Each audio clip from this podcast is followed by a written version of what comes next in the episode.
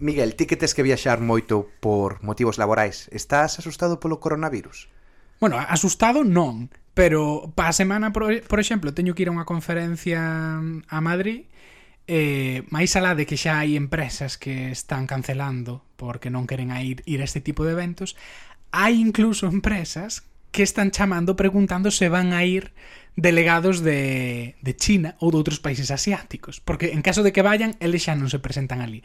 Entón, bueno, agora xa hai un caso en Barcelona, agardemos que non que non cheque a Madrid, pero bueno, malo será.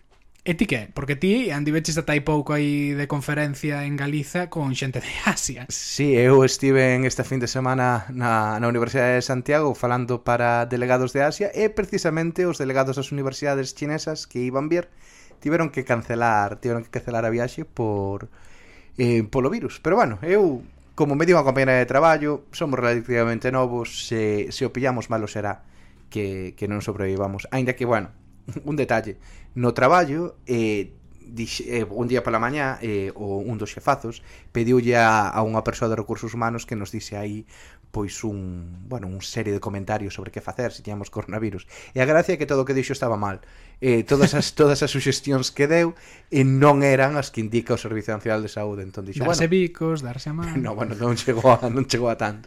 Si si tes coronavirus, escúpelle na boca alguén. No, non chegou non chegou a ese nivel, pero eh dixo, se tes coronavirus, eh non veñades a traballar, eso é máis importante, non nos contaxeis os demais e despois ide ao médico. Pero claro, a a recomendación é non vayas ao médico, queda na casa e chama, porque non queremos, sabes, que vai alguén, que eh. vai alguén, non queremos un montón de enfermos en en Ubers como pasou unha das das primeiros eh, dos primeiros casos de contagio que houve aquí. Está vendo un pouco de pánico. Eh. Eu eh? na miña oficina teñen o Shell, este palabras mans, ah, agora no, temos no, un en cada mesa. No noso tamén puxeron máis, sempre tiñamos algúns e ahora hai máis. E está todo Dios aí la, lavando as mans cada dos por tres, bueno, en bueno, fin. Si polo, eh, si polo menos eso sirve a que a comida, pois pues, a xente cando faga comida vai lavar máis as mans, pois pues, é unha, unha vantaxe.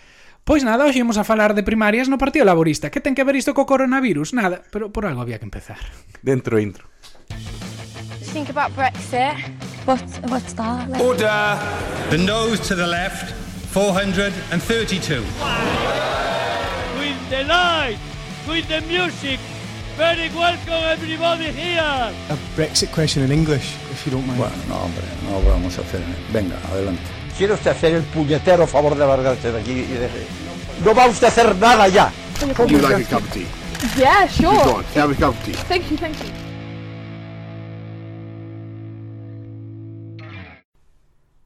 Non só o Partido Demócrata dos Estados Unidos está en pleno proceso de primarias, senón que no Reino Unido o Partido Laborista tamén está en fase de elixir novo líder e de elixir a quen será o aspirante a ser primeiro ministro do Reino Unido dentro de cinco anos. O que pasa é que a diferenza do Partido Demócrata, as primarias do Partido Laborista son moito máis sinxelas. Vanse contar os votos todos de golpe, non vai haber que ir estado a estado ou rexión a rexión, e desde logo hai moito, moitos menos candidatos.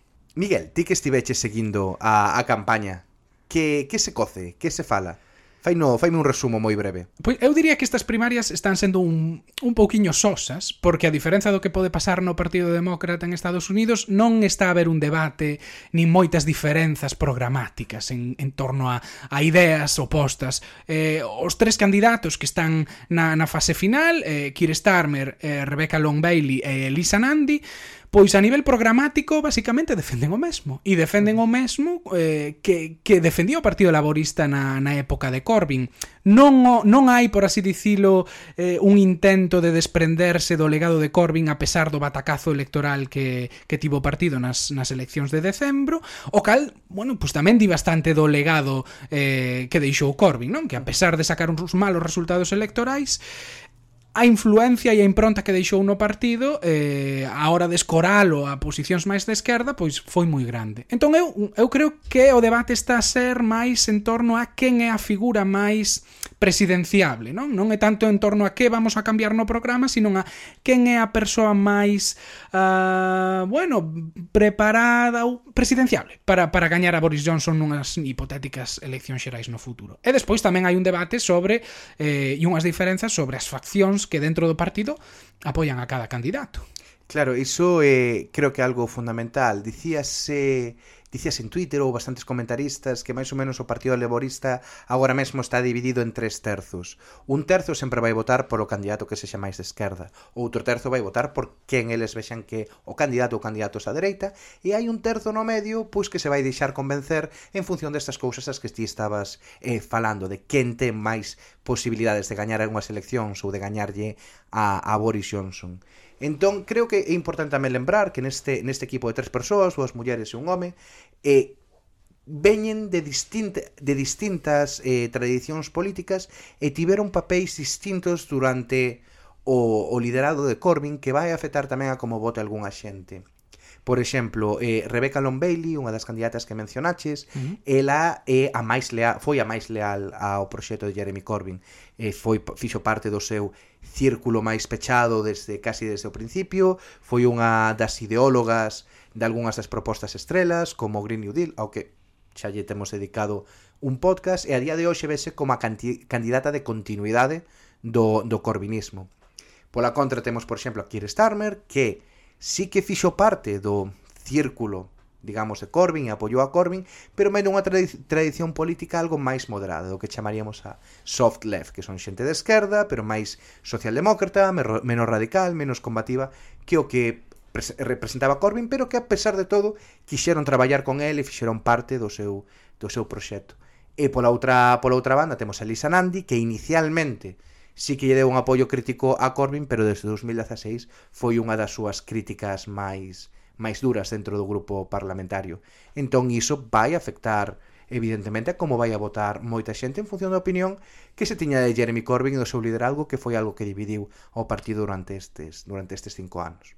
Claro, porque a marxe das tradicións políticas vamos a intentar debullar un pouco quen é quen. Mm. Eh, cal, cal é o, o pasado político, eh, a experiencia de cada un, de onde veñen, porque isto, especialmente agora que no Reino Unido se fala moito deste Londres centrismo, mm. non ten importancia, non? Candidatos que veñan pois eh, do interior de Inglaterra, da Inglaterra, por así dicilo, deixada de lado de todos estes claro. anos de, de progreso. Que entón... son que son precisamente os escanos que ten que gañar o Partido Laborista porque son os que acaba de perder fronte a Boris Johnson. Claro, entón, Keir Starmer. Keir Starmer é o candidato máis, por así dicilo, londinense, non? É... Eh, si, sí, tá, eh, tan londinense que representa a circunscripción de Holborn and St Pancras. Se algunha vez viñechedes a Londres, seguro que estivechedes na estación de King's Cross St Pancras, pois pues aí é, é deputado este señor.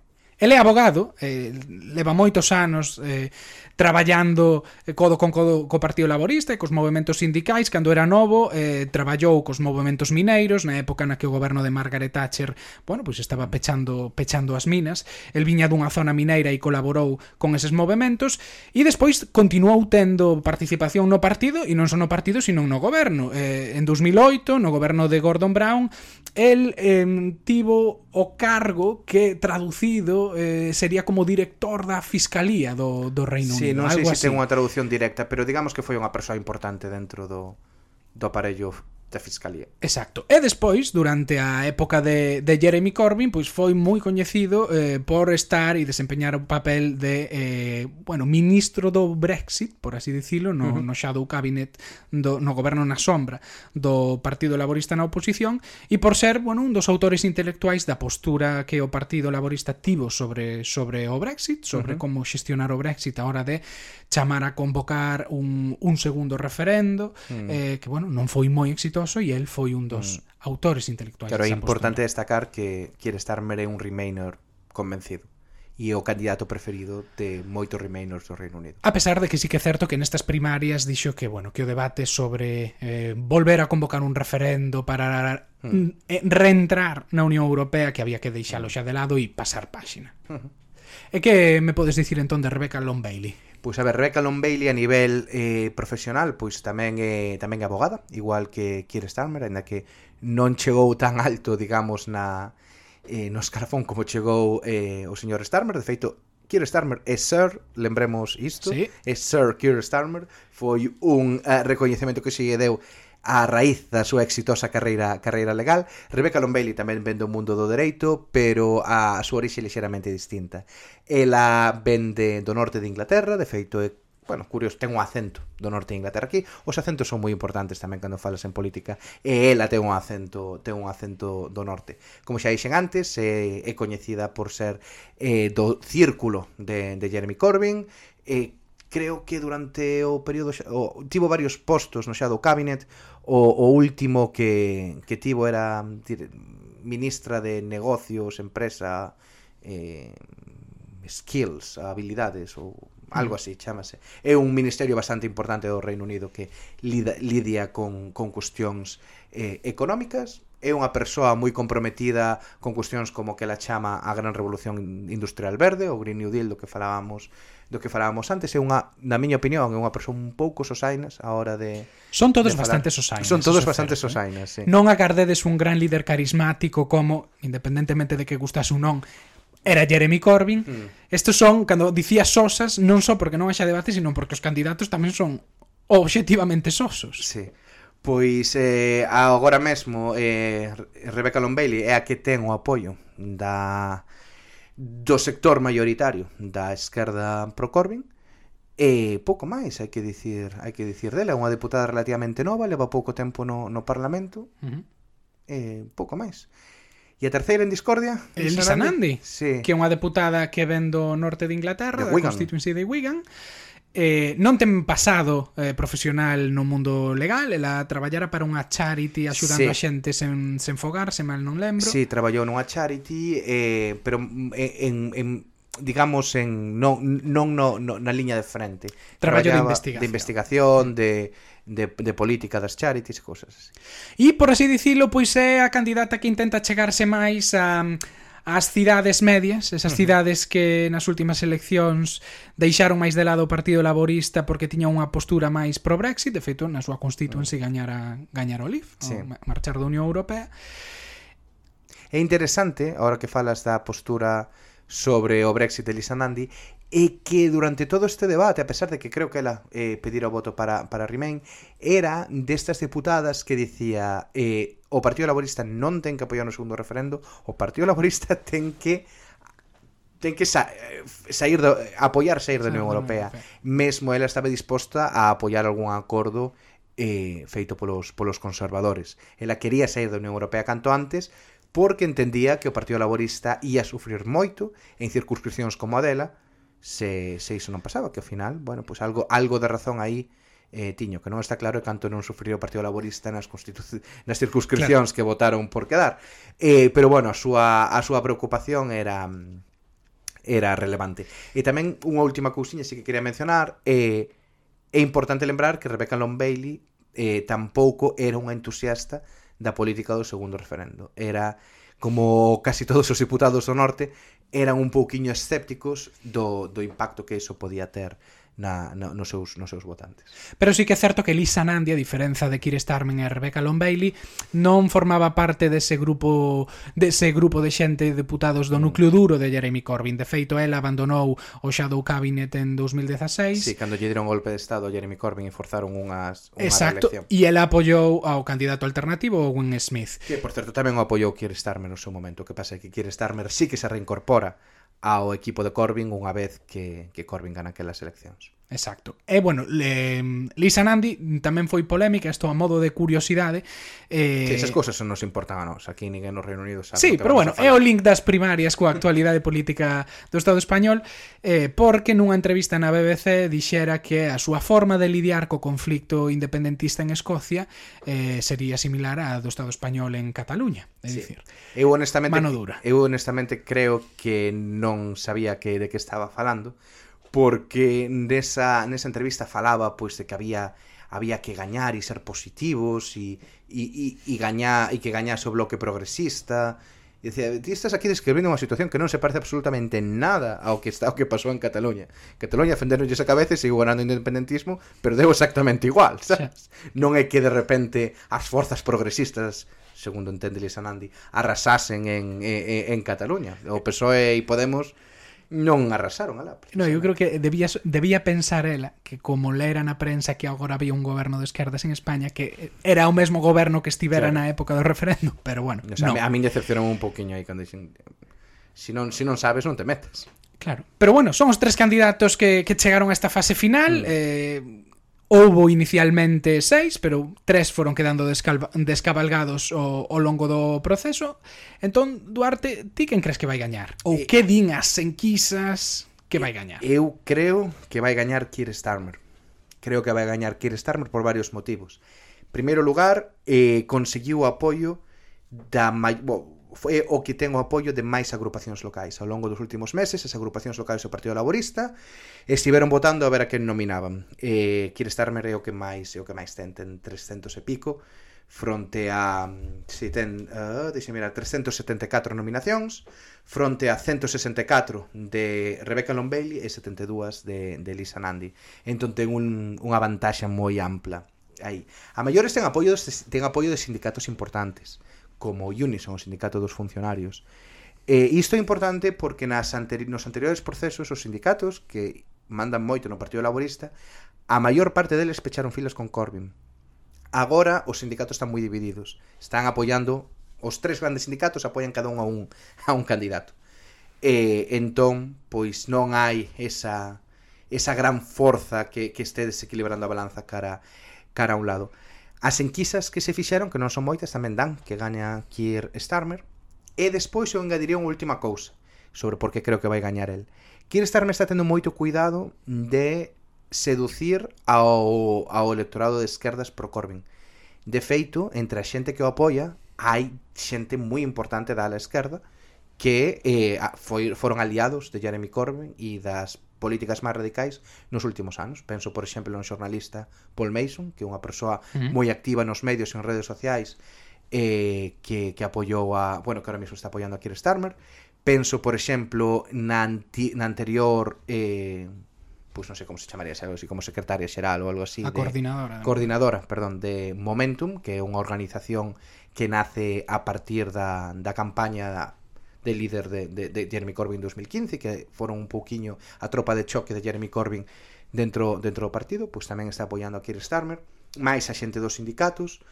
Entón, aí está tendo un apoio importante un apoio importante da esquerda. Entón, aínda que Rebecca Long Bailey se vexa como a candidata de continuación de Jeremy Corbyn, non foi capaz de continuar ou de manter os apoios que, que tiñan Corbyn. Claro, porque en Momentum, que falabas deles, mm. oficialmente dá o apoio a Rebecca Long Bailey, sí. e durante todo este proceso, eh, polo menos en redes sociais, moi sutilmente, están intentando colgarlle a Keir Starmer eh, o San Benito de ser o candidato da, da dereita. Porque o é? Pero é o é, por así dicilo, comparado con ela, pero non podemos dicir que sexa un candidato de dereitas. Pode, eh, o que se pode dicir é que é o candidato da dereita porque ten o apoio da dereita do partido. Es, esa é tamén a, digamos, as dúas as dúas terras entre as que se move Kier Starmer. Eh, o apoio que ten no grupo parlamentario ven dos, tanto el como Lisa Nandi teñen aí divídense un poquinho en función de das opinións persoais cada un, pero eh, Lisa Nandi e Keir Starmer teñen o apoio dos, eh, do, do, do que se entende como a dereita do partido. A xente máis crítica con Corbyn, a xente que viña, digamos, do sector ou do antigo oblerismo, xente máis moderada, pois están apoiando están apoiando estes dous. Que pasa? Eles son conscientes de que o gordo da militancia virou moito a esquerda con Corbyn. Entón, a nivel programático e a nivel de políticas, pois non hai non hai grandes diferencias co, co proxecto de Jeremy Corbyn. Claro, pero por iso eu aí facía o fincapé de que unha cousa é ser un candidato que poida apoiar o sector de dereitas do partido ah. e outra cousa é ser un candidato de dereitas como pretenden vender uh -huh. certos sectores de, de, de Momentum, por exemplo. Sí, eu, eu creo que o gordo destas eleccións, máis que, como dicías antes, non son sobre debate programático, senón que tamén son de credibilidade. Non só credibilidade a respecto de quen pode gañar unhas eleccións, senón quen vai a manter os compromisos adquiridos a nivel programático.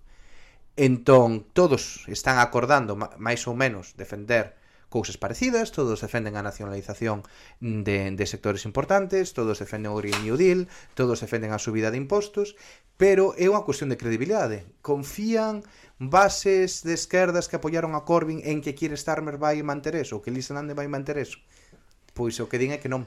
Que non porque a xente que o, que o apoia é a xente que históricamente defendeu un partido laborista máis á dereita, con políticas pois que podíamos denominar uh, máis pro libre mercado, en, ao final é unha cuestión da credibilidade que vai a ter cada un. O que sí que é certo, isto é unha cuestión interesante, ningún dos tres...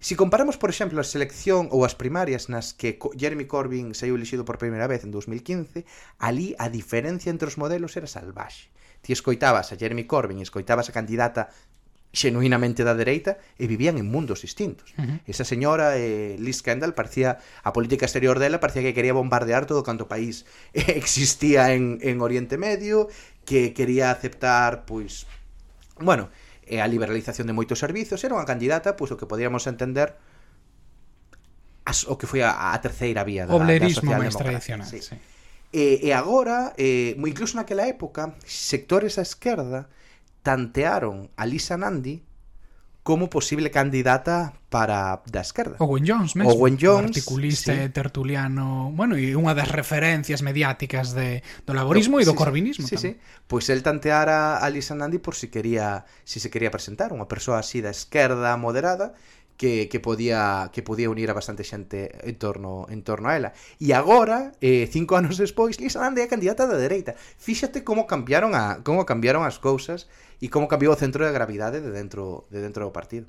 Sí. Pero sí, sí que é curioso eh, que, bueno, hai xente que non agardarías que ofrecera públicamente o apoio a, a ningún destes candidatos, mm. pero Max Hastings, que fora o antigo editor do Daily Telegraph na época na que Boris Johnson era corresponde, mm. correspondente en Bruselas, eh, dixo que, bueno, que vol volvería a votar o Partido Laborista se, se Keir Starmer fora, fora o candidato. Entón é curioso, pois sí, ver como sectores eh, máis supostamente centristas eh, máis moderados estarían a favor eh, ou dispostos a votar eh, por un candidato que programáticamente non se distingue tanto do que é Jeremy Corbyn. Quiere Starmer é un significante valeiro.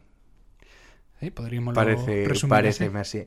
Eh, parece ben. Está, está por ver, posiblemente gane el e, eh, e verase despois que, que liña vai a tomar, como van estar os pesos internos dentro dentro do partido e por onde vai a, vai a querer ir. Claro que Mais alá do líder, o líder tampouco que teña un cheque en branco para facer e desfacer no partido o que queira. Lóxicamente ten un peso e unha responsabilidade importante, pero despois a correlación de forzas interna é moi importante e determinante e se Momentum e todo o sector máis esquerdista do partido está mobilizado, iso vai disuadir a calquera líder de eh, renunciar a compromisos programáticos mm. eh, fundamentais. Si, sí, a cuestión é que eses sectores xa non están tan unidos como estaban antes, esa, esa é a clave.